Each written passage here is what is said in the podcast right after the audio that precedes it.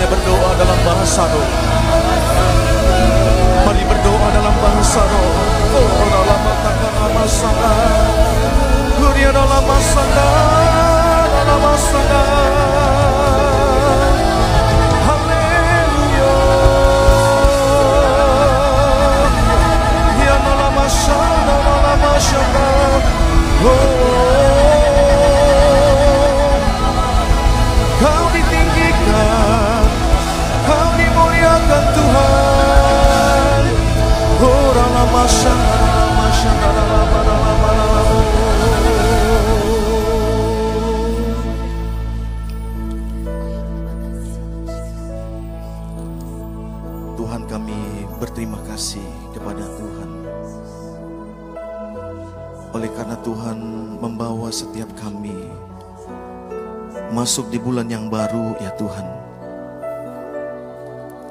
Tuhan terima kasih untuk penyertaan Tuhan. Terima kasih Tuhan untuk kekuatan. Terima kasih untuk perlindungan Tuhan yang sempurna bagi setiap kami ya Tuhan. Dengan apakah ya Tuhan kami dapat membalas segala kebaikan yang Tuhan berikan bagi kami. Selain pagi hari ini Tuhan kami datang untuk mengasihimu. Selain pagi hari ini kami datang untuk mempersembahkan Korban puji-pujian kami Penyembahan kami di hadapanmu Ya Tuhan. Oh rabatakana lama sana lama lama lama Mari Bapak Ibu Saudara Kita buka kedua tangan kita di depan Tuhan. Sebagai tanda bahwa kita datang dengan hati yang rindu hati yang haus kepada Tuhan. Kita mau datang bersekutu dengan Tuhan lebih lagi. Oh rabatakana lama sana lama lama lama lama lama lama lama lama lama sana lama sando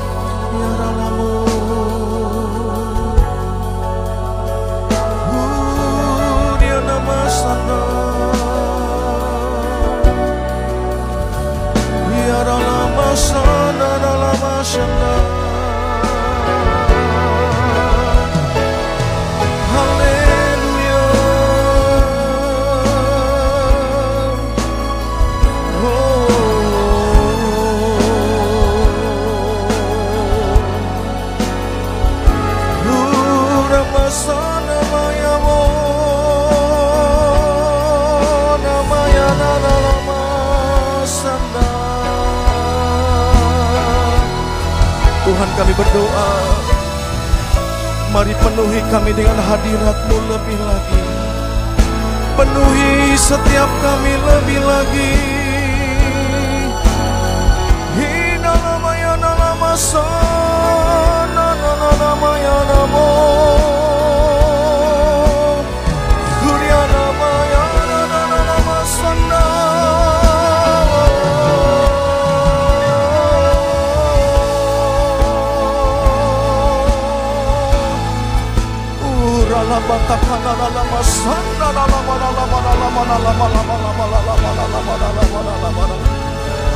Tuhan biarlah engkau menerima setiap ukupan Setiap persembahan-persembahan yang kami bawa hari ini ya Tuhan Oh lama lama lama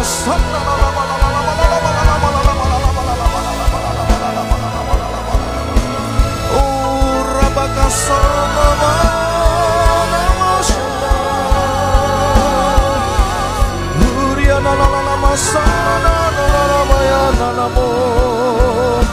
Tuhan kami berdoa hari ini membawa bangsa kami negeri kami ke dalam tanganmu ya Tuhan oh, kalau tepatnya hari ini seluruh dunia sedang merayakan hari buruh nasional internasional oh, kami mohonkan Tuhan untuk keamanan bagi bangsa kami untuk keamanan bagi negeri kami ya Tuhan oh ralama mata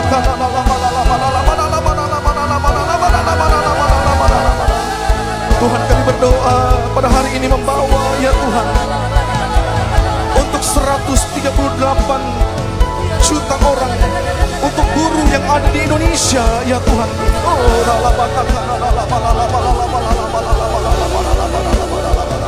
Oh, Bahkan berdoa untuk 9,7 juta jiwa. Para buruh yang mengalami pengangguran oleh karena mereka kesulitan mendapatkan pekerjaan.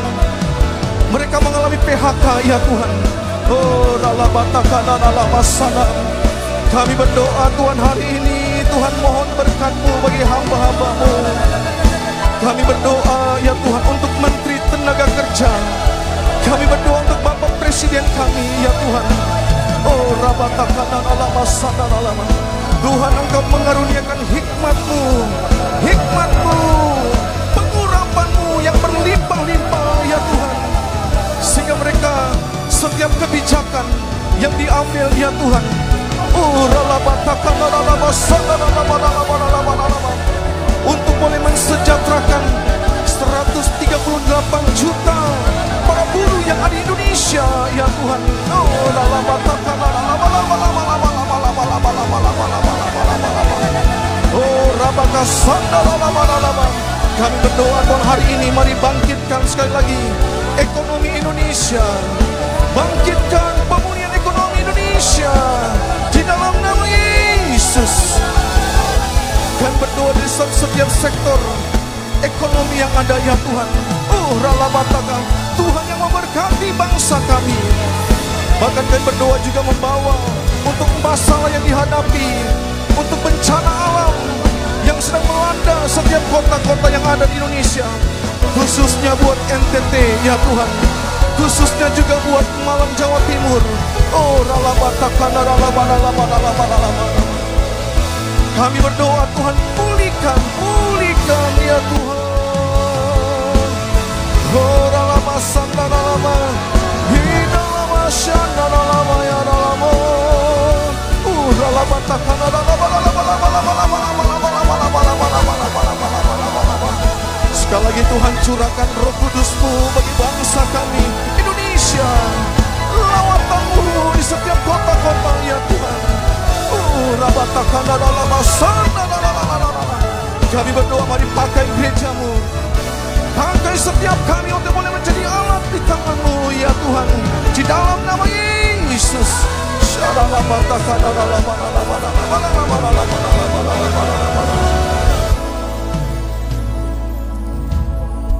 Terima kasih Tuhan. Terima kasih. Engkau Tuhan yang mendengar Setiap doa dan seruan kami Bahkan kami berdoa ya Tuhan untuk saudara-saudara kami. Mereka yang sedang mengalami sakit akibat daripada COVID-19 di mana pun mereka berada Tuhan hari ini. Oh kami berdoa ya Tuhan untuk uluran campur tanganmu untuk mujizatmu ya Tuhan.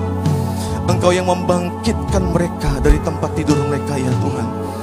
Engkau yang memulihkan mereka ya Tuhan kami berkata oleh bilur-bilur Yesus, Engkau sudah sembuh di dalam nama Tuhan Yesus. Oh,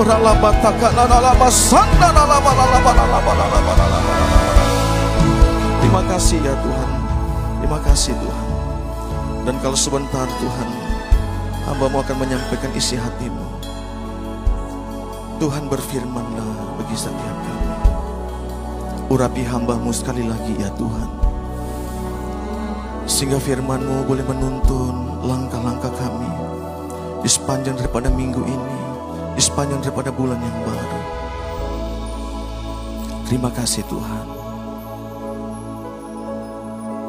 Oh, rabata kanara masalah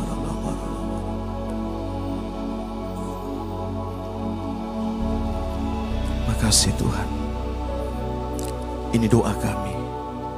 Dalam nama Tuhan Yesus. Mari yang siap mendengarkan firman Tuhan bersama-sama dengan saya kita katakan Amin. Sekali lagi berikan tepuk tangan yang meriah buat Tuhan. Haleluya. Puji Tuhan. Silakan duduk Bapak Saudara.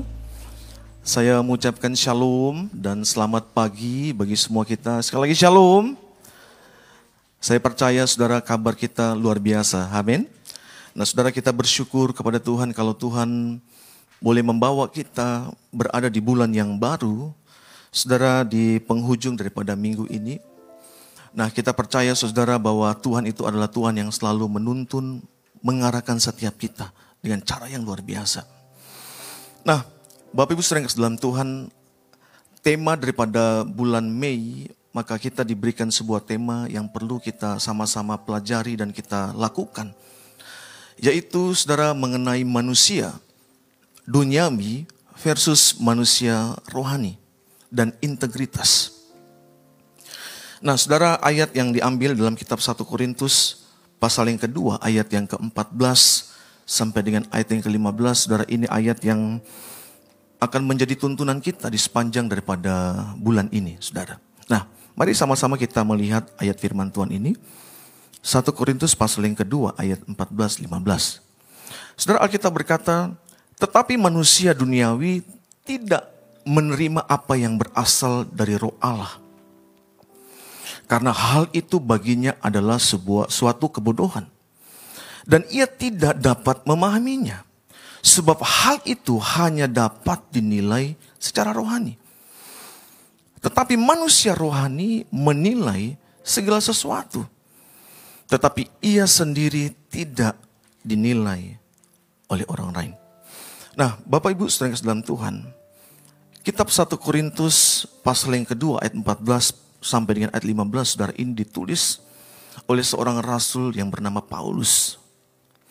Nah, sebelum saudara kita mengerti dan memahami saudara 1 Korintus pasal yang ke-14, 1 Korintus 2 ayat 14 15 ini, saudara, maka kita juga harus mengerti juga saudara latar belakang.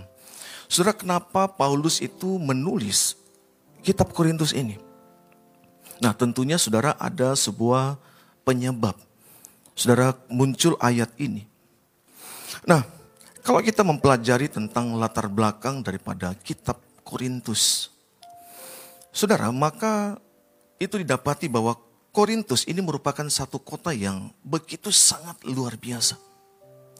Saudara Korintus ini merupakan satu kota kuno ya, metropolitan pada waktu zaman Yunani dikatakan.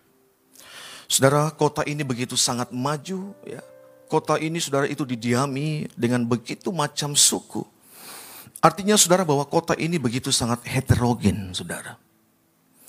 Nah, akan tetapi saudara di tengah-tengah saudara lihat kota ini yang berlimpah-limpah dengan kekayaan. Kota ini saudara lihat yang berlimpah-limpah dengan materi. Saudara maka akan membawa kota ini, saudara ternyata kota ini angkuh secara intelek. Bahkan saudara dikatakan bahwa kota ini yang lebih jahat lagi dikatakan saudara memiliki moral yang sangat-sangat bejat dikatakan. Yang sangat-sangat-sangat buruk. Nah, saudara di tengah-tengah kota yang seperti ini maka Tuhan itu memanggil Paulus itu untuk membuka sidang. Dan saudara apa yang terjadi? Saudara, maka dikatakan bahwa waktu itu dikatakan Paulus itu mulai pelayanannya. Dikatakan pada waktu dalam masa perjalanan misi yang kedua. Maka kita berkata Paulus itu mulai eh, Paulus mulai membangun jemaat di Korintus. Saudara, kurang lebih selama 18 bulan Saudara, maka jemaat ini mulai dibentuk dan jemaat ini mulai dibangun.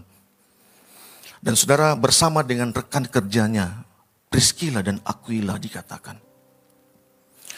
Nah, akan tetapi Saudara di tengah-tengah jemaat yang ada, ternyata saudara lihat komunitas orang Yahudi itu sangat terbatas.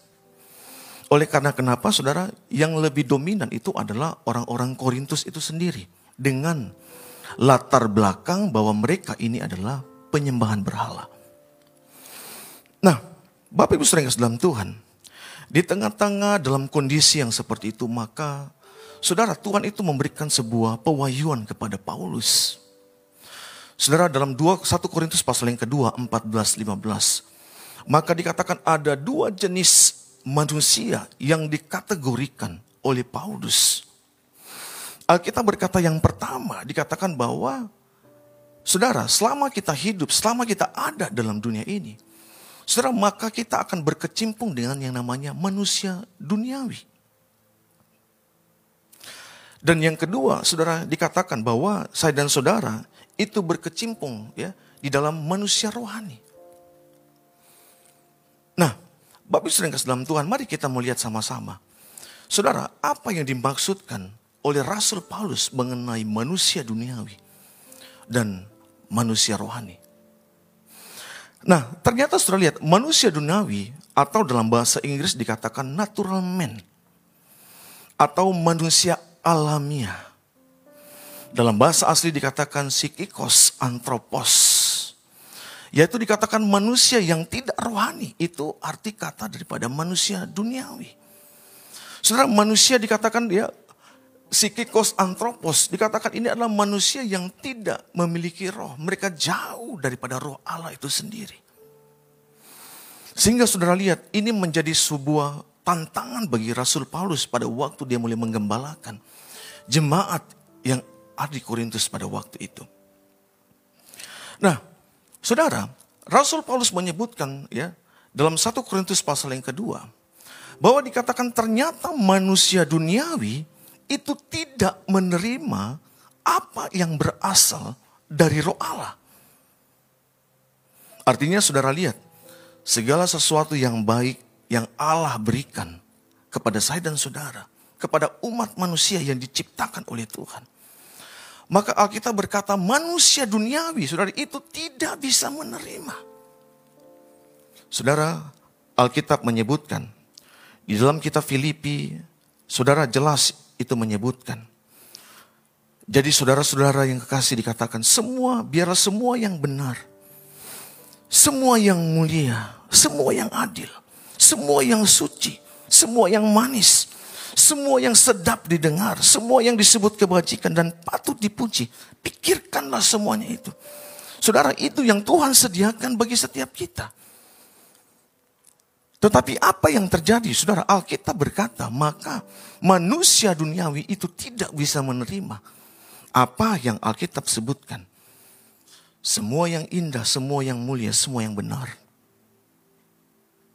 Jadi nggak heran Bapak Ibu Saudara kalau kita bertemu dengan orang-orang duniawi. Saudara mereka tidak bisa memahami. Karena itulah yang Alkitab katakan tentang manusia duniawi.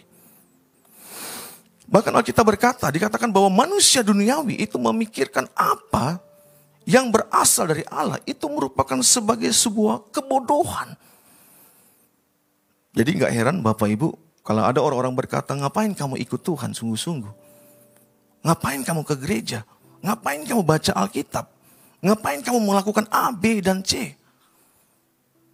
Itu kurang kerjaan. Saudara, jangan heran kalau kita bertemu dengan orang-orang yang modelnya itu seperti ini. Karena Alkitab berkata bahwa itu merupakan kategori manusia duniawi. Bahkan Alkitab berkata juga, dikatakan bahwa manusia duniawi itu tidak memahami hal-hal yang berbau rohani.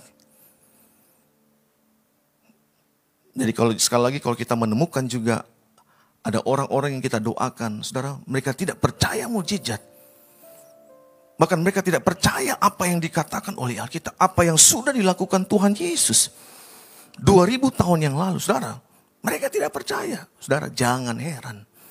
Karena Alkitab berkata, saudara, manusia duniawi kita itu cenderung untuk menolak apa yang menjadi pekerjaan daripada Tuhan. Saudara, apa yang menyebabkan hal ini bisa terjadi? Alkitab berkata bahwa dosa itu sebagai penghambat untuk kita bisa bertumbuh, untuk kita bisa berkembang, untuk masuk menjadi manusia rohani. Roma pasal 5 ayat yang ke-12 menyebutkan sebab itu dikatakan sama seperti dosa telah masuk ke dalam dunia oleh satu orang. Dan oleh dosa itu juga maut. Demikianlah maut itu telah menjalar kepada semua orang.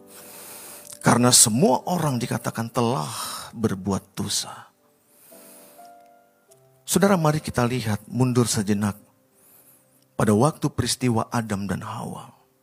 Pada waktu mereka jatuh di dalam dosa. Dalam kitab kejadian pasal yang ketiga. Alkitab berkata saudara pada waktu Adam dan Hawa jatuh dalam dosa. Saudara mereka itu terputus hubungannya dengan Allah. Saudara manusia roh mereka yang seharusnya terkoneksi dengan Tuhan, yang seharusnya terhubung dengan Allah. Tetapi Alkitab berkata, waktu dosa itu masuk, saudara, maka komunikasi mereka, manusia roh mereka, saudara, itu rusak. Saudara, Alkitab menyebutkan Roma 3 ayat yang ke-23, karena semua orang telah berbuat dosa dan telah kehilangan kemuliaan Allah.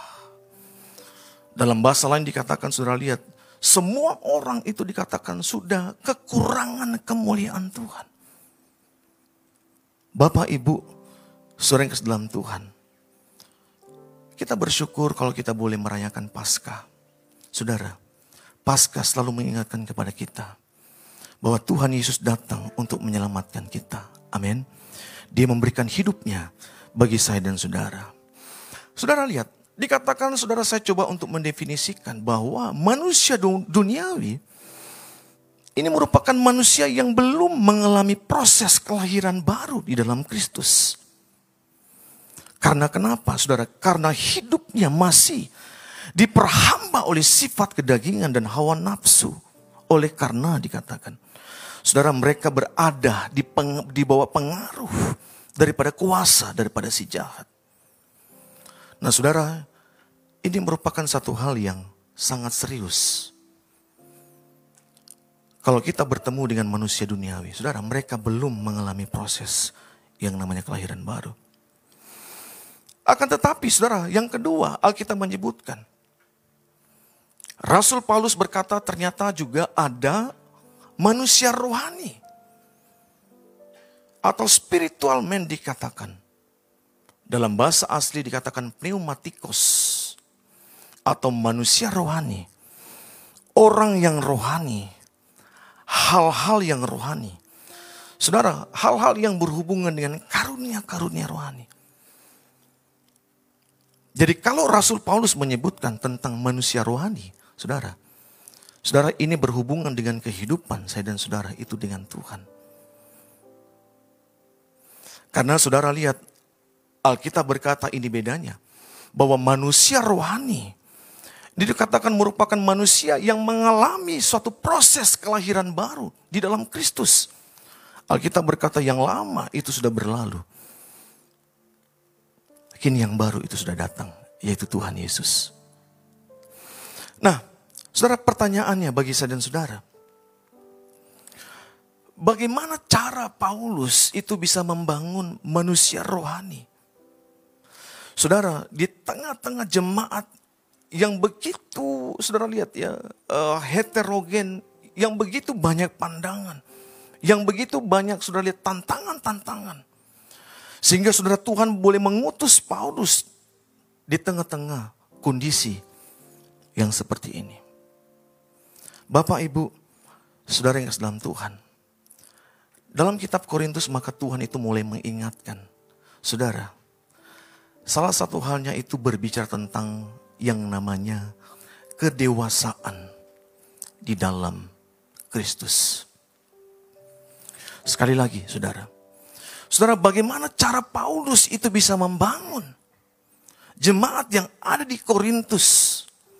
Saudara, di tengah-tengah saudara kesulitan selama 18 bulan Paulus berada di sana. Ada beberapa hal yang Paulus ingatkan. Salah satunya, saudara, itu adalah bahwa kita harus masuk di dalam pendewasaan, di dalam kedewasaan bersama-sama dengan Kristus. Saudara, untuk menjadi dewasa, saudara saya percaya bukan hanya berbicara tentang umur saja. Saudara, orang yang dewasa saya percaya bukan dilihat dari umur saja. Tetapi saudara lihat orang yang dewasa, saudara dikatakan bagaimana dia bisa mulai mengekspresikan kasih dia kepada Tuhan. Itu kepada sesama. Dan Paulus menyebutkan 1 Korintus pasal 13 ayat 11 sampai dengan ayat 13.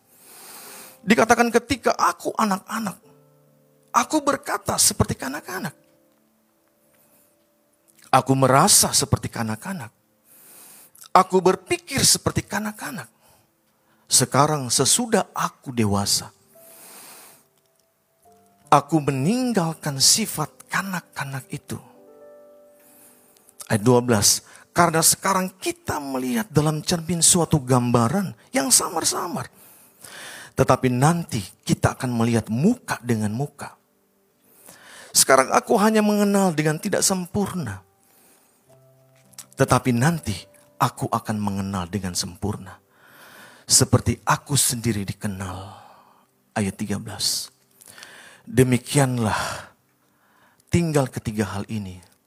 Yaitu iman, pengharapan, dan kasih.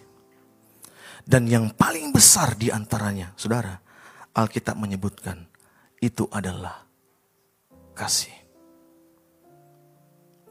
Saudara, ternyata Alkitab menemukan bahwa jemaat di Korintus ini merupakan jemaat yang belum dewasa secara dalam hal segala hal. Oleh karena kenapa? Saudara, 1 Korintus 3 ayat 1 dan 4. Saudara, oleh karena dikatakan jemaat itu dikatakan dalam ayat ini dikatakan saudara-saudara pada waktu aku tidak dapat berbicara dengan kamu seperti dengan manusia rohani tetapi hanya dengan manusia duniawi perhatikan. Yang belum dikatakan apa? Dewasa di dalam Kristus. Susulah yang kuberikan kepadamu bukan makanan keras sebab kamu belum dapat menerimanya dan sekarang aku pun belum dapat menerimanya. Karena kamu masih duniawi Sebab jika di antara kamu, perhatikan saudara, ada iri hati dan perselisihan, bukankah hal itu menunjukkan bahwa kamu manusia duniawi, bahwa kamu hidup secara duniawi? Saudara, ternyata orang yang belum dewasa, Rasul Paulus menyebutkan ternyata saudara sifat iri hati dan sifat perselisihan itu ada. Saudara, jemaat yang di Korintus itu mengkultuskan hamba Tuhan. Sehingga Paulus menemukan di situ ya mereka terpecah oleh karena kenapa? Alkitab berkata, yang satu berkata, aku golongan daripada Paulus. Aku golongan daripada Apolos. Aku golongan daripada Petrus. Saudara, sehingga pada waktu bertemu disatukan tubuh Kristus yang ada. Saudara, mereka mulai mempertahankan mungkin doktrin mereka. Mereka mulai mempertahankan segala sesuatu. Sehingga dikatakan saudara lihat di antara mereka ada perselisihan. Bahkan ada hiri hati yang berlebihan pada waktu itu. Bapak Ibu, sering dalam Tuhan. Saya percaya bahwa gereja kita, keluarga besar GBI Medan Plaza, adalah gereja yang akan dibawa oleh Tuhan untuk masuk di dalam pendewasaan. Amin, saudara. Karena usia gereja kita, saudara-saudara, kita akan menginjak usia yang ke-28 tahun pada bulan Juli yang akan datang ini. Nah, Bapak Ibu Saudara yang dalam Tuhan, dalam kitab Ibrani pasal yang kelima, ayat 12 Sampai dengan ayat yang ke-14 menyebutkan, ternyata saudara lihat. Penulis Ibrani juga itu mulai mencatat dan menulis tentang bagaimana orang-orang yang saudara dewasa. Saudara, apa yang menjadi ciri khas kalau saya dan saudara dikatakan kita ini adalah orang yang dewasa secara rohani. Dalam ayat yang ke-14 menyebutkan, saudara, tetapi makanan keras adalah untuk orang-orang dewasa. Dalam bahasa Yunani-nya saudara itu diambil dari kata telios atau sempurna. Saudara ternyata dikatakan orang yang dewasa, orang yang sempurna, saudara, itu memiliki panca indera yang terlatih untuk membedakan, saudara, Mana yang baik dan mana yang jahat. Nah saudara ini yang menjadi ciri khas daripada orang yang dewasa secara rohani. Maka orang yang dewasa itu saudara dia akan melatih panca indranya Saudara, itu untuk bisa melakukan, berbuat hal-hal yang baik. Saudara, manusia roh kita ini perlu memiliki panca indera yang terlatih. Kenapa saya katakan demikian, Bapak Ibu? Saudara, dunia ini sedang kehilangan kepekaan. Dunia ini saudara sedang hilang saudara hal-hal yang berbau rohani. Akan tetapi saudara lihat Alkitab berkata, waktu saya dan saudara menjadi dewasa, maka dikatakan panca indera yang terlatih ini, saudara kita akan melihat itu menjadi bagian hidup setiap kehidupan kita. Saudara, kita perlu melatih kepekaan kita setiap hari. Kita terus melatih, saudara. Hal-hal yang rohani dalam kehidupan setiap kita. Karena Alkitab menyebutkan. Gereja kita, saudara bersyukur kalau dipakai oleh Tuhan. Saudara itu untuk masuk di dalam pelayanan-pelayanan dalam sosial Saudara, baru-baru ini saudara gereja kita itu terlibat bersama-sama itu untuk mengirimkan bantuan. Saudara, kepada saudara kita yang ada di NTT. Ada hampir 20 ribu Alkitab itu yang dikirim di sana, saudara. Bahkan tidak berhenti sampai di situ saja. Maka dikatakan gereja kita juga. Saudara itu dipakai oleh Tuhan itu untuk boleh membangun gereja-gereja yang rusak akibat daripada bencana alam yang terjadi yang ada di NTT. Bapak Ibu sering dalam Tuhan. Kita bersyukur kalau gereja kita ini masih memiliki panca indera yang terus berkembang, yang terus saudara lihat. Kita latih untuk memperhatikan hal-hal yang ada di dalam sekeliling kita.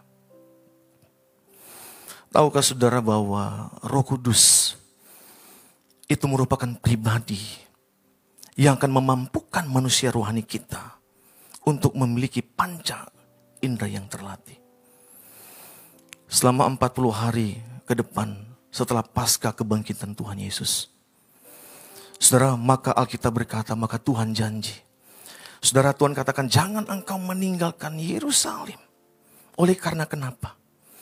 Saudara, oleh karena Tuhan janji maka dia akan mengirim dan dia akan mengutus Roh Kudus bagi saya dan saudara. Amin.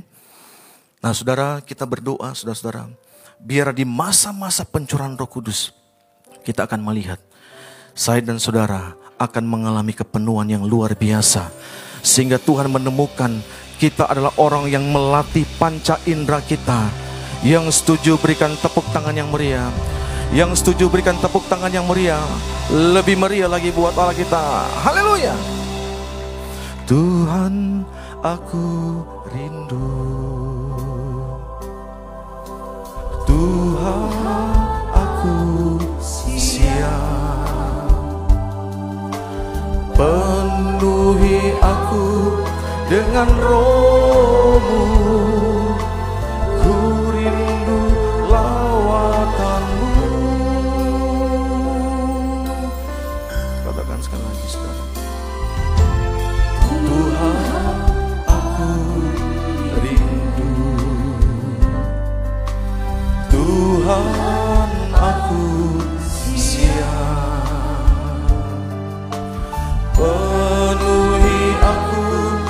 dengan rohmu.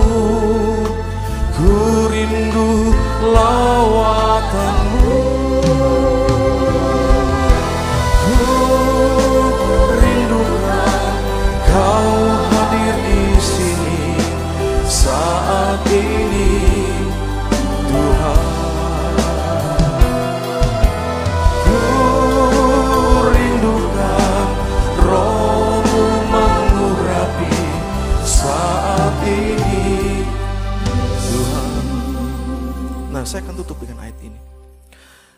pasal yang kelima, ayat yang kelima menyebutkan.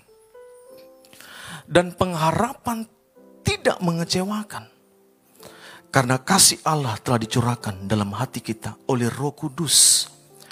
Yang telah dikaruniakan kepada setiap kita. Bapak Ibu sering dalam Tuhan, Roh Kudus itu adalah pribadi yang akan memproduksi kasih dalam setiap kehidupan kita. Pada waktu saya dan saudara mulai minta kepenuhan daripada Allah. Dan saudara lihat manusia rohani kita. Saudara menyatu dengan roh kudus. Saudara, Alkitab berkata, kita bisa berseru ya Aba, ya Bapa. Dan apa yang terjadi, saudara lihat. Alkitab berkata, maka Tuhan itu akan mencurahkan kasihnya yang berlimpah-limpah. Galatia pasal yang kelima, ayat yang ke-22 menyebutkan, tetapi buah roh adalah apa? Kasih. Roh Kudus itu akan memproduksi kasih dalam kehidupan saya dan saudara. Amin. Nah hari ini seberapa banyak saudara kita merindukan. Kita masuk mempersiapkan hati kita. Untuk pencurahan roh kudus di depan kita. Lambaikan tangan saudara. Puji Tuhan. Kita bangkit berdiri bersama-sama. Oh rabatakana lama sandara labatakana lama. Oh rabatakana lama sandara lama lama. Mari kita siapkan hati kita saudara. Kita akan masuk dalam perjamuan kudus. Saudara yang di rumah, mari siapkan roti dan anggurmu. Kita percaya pada waktu kita dipersatukan dengan Kristus. Alkitab berkata, maka saudara, Tuhan akan mencurahkan kasihnya bagi saya dan saudara. Nah, izinkan saya bertanya Bapak Saudara, apakah semua sudah mendapatkan roti dan anggur? Semua sudah? Baik. Puji Tuhan.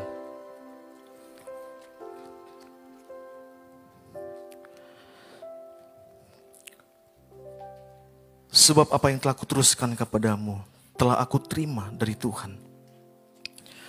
Yaitu bahwa Tuhan Yesus pada malam waktu ia diserahkan mengambil roti. Mari kita angkat roti di tangan kanan kita. Dan sesudah itu ia mengucap syukur atasnya. Ia memecah-mecahkannya dan berkata, Inilah tubuhku yang diserahkan bagi kamu. Perbuatlah ini menjadi peringatan akan aku. Bapak Ibu sering dalam Tuhan, bukankah roti yang di tangan kanan kita merupakan persekutuan kita dengan tubuh Yesus? Makanlah dalam nama Tuhan Yesus.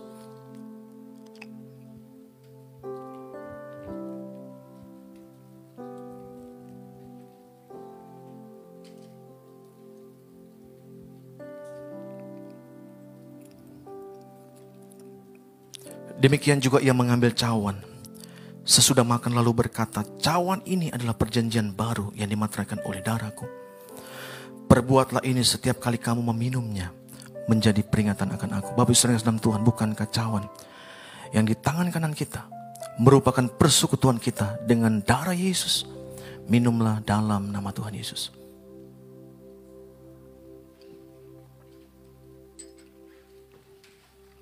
Mari buka kedua tangan kita di depan Tuhan. Mari naikkan ucapan syukur kita, saudara. Urabatakan nama sanda. Uralama sanda ralama sando. Kiara lama takkan lama. Urama sanda ralama sanda ralama sando.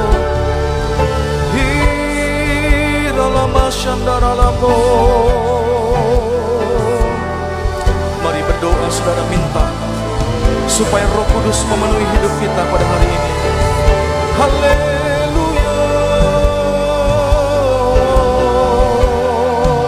Pada waktu kita dipenuhi Roh Kudus, maka saudara panca indera kita akan terlatih untuk bisa membedakan mana yang jahat dan mana yang benar Oh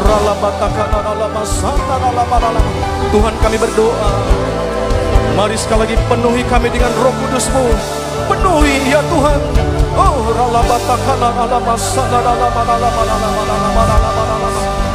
Oh Biarlah engkau boleh mendewasakan setiap kami ya Tuhan. Supaya kami tidak kehilangan kepekaan. Oh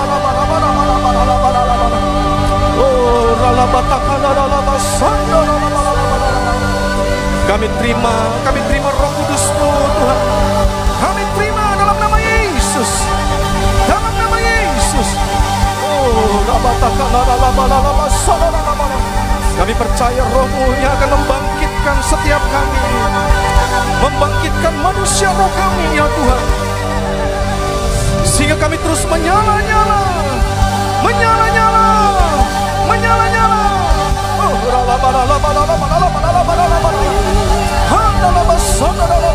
Kami berkata biarlah api di misbah Api itu terus menyala ya Tuhan Kami tidak biarkan padam Rabaka sana mata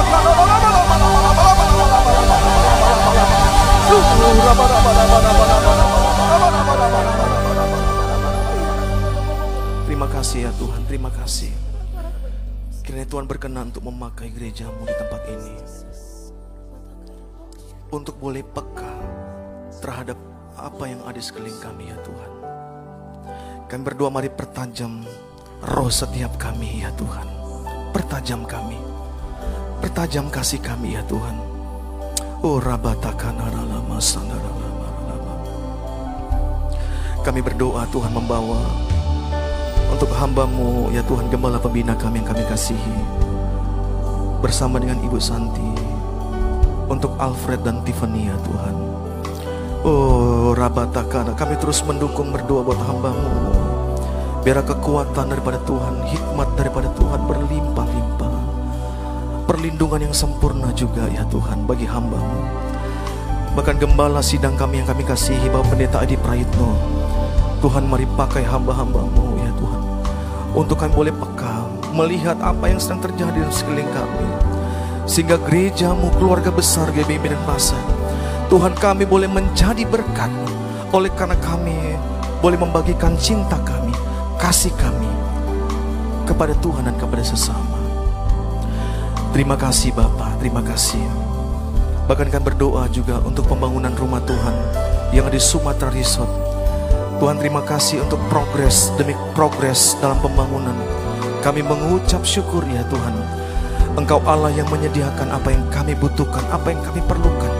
Menurut kekayaan dan kemuliaanmu, berkatmu turun bagi seluruh tim panitia yang sedang membangun ya Tuhan. Berikan kami terus gairah semangat ya Tuhan. Tuhan memberkati untuk para pengusaha-pengusaha, para donatur yang terus mendukung setia untuk membangun gerejamu ya Tuhan. Oh rabataka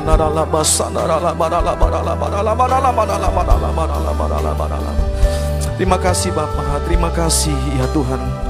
Bahkan kan berdoa juga Tuhan pada hari ini membawa untuk setiap persembahan-persembahan yang kami persembahkan. Baik itu persembahan perpuluhan, persembahan ucapan syukur, persembahan khusus kami, persembahan diakonia dan misi kami. Tuhan, Engkau yang menguduskan, Engkau yang memberkati kami. Engkau Tuhan yang menyediakan benih bagi para penabur ya Tuhan. Bahkan dari tempat ini juga kami melepaskan berkat untuk damai sejahtera, shalom untuk Yerusalem. Biarlah berkat sentosa, biarlah berkat yang ada tembok dan purimu hai Yerusalem. Diberkatilah orang-orang yang mencintaimu. Biarlah berkat syalfah, biarlah berkat syalaf itu turun mengalir berlimpah-limpah bagi orang-orang yang mengasihimu, yang mencintaimu, hai Yerusalem. Terima kasih ya Tuhan. Dan kalau sebentar kami akan akhiri pertemuan ibadah doa puasa kami. Dan kami akan kembali beraktivitas. Kiranya Tuhan berkenan untuk memberkati setiap kami. Mari kita buka kedua tangan kita Bapak Saudara. Kiranya kita kembali beraktivitas dengan membawa berkat yang berlimpah-limpah dari Allah Bapa. Cinta kasih yang sempurna dari anaknya Tuhan Yesus Kristus serta persekutuan yang manis dari Allah Roh Kudus menyertai saudara. Mulai siang ini sampai Maranatha bahkan sampai selama-lamanya yang percaya diberkati Tuhan. Bersama-sama kita katakan amin Selamat siang, Tuhan berkati kita. Shalom. Puji Tuhan, untuk informasi seputar gereja, Bapak Ibu dapat mengakses, melihat di aplikasi gereja GBI Medan Plaza. Tuhan Yesus memberkati.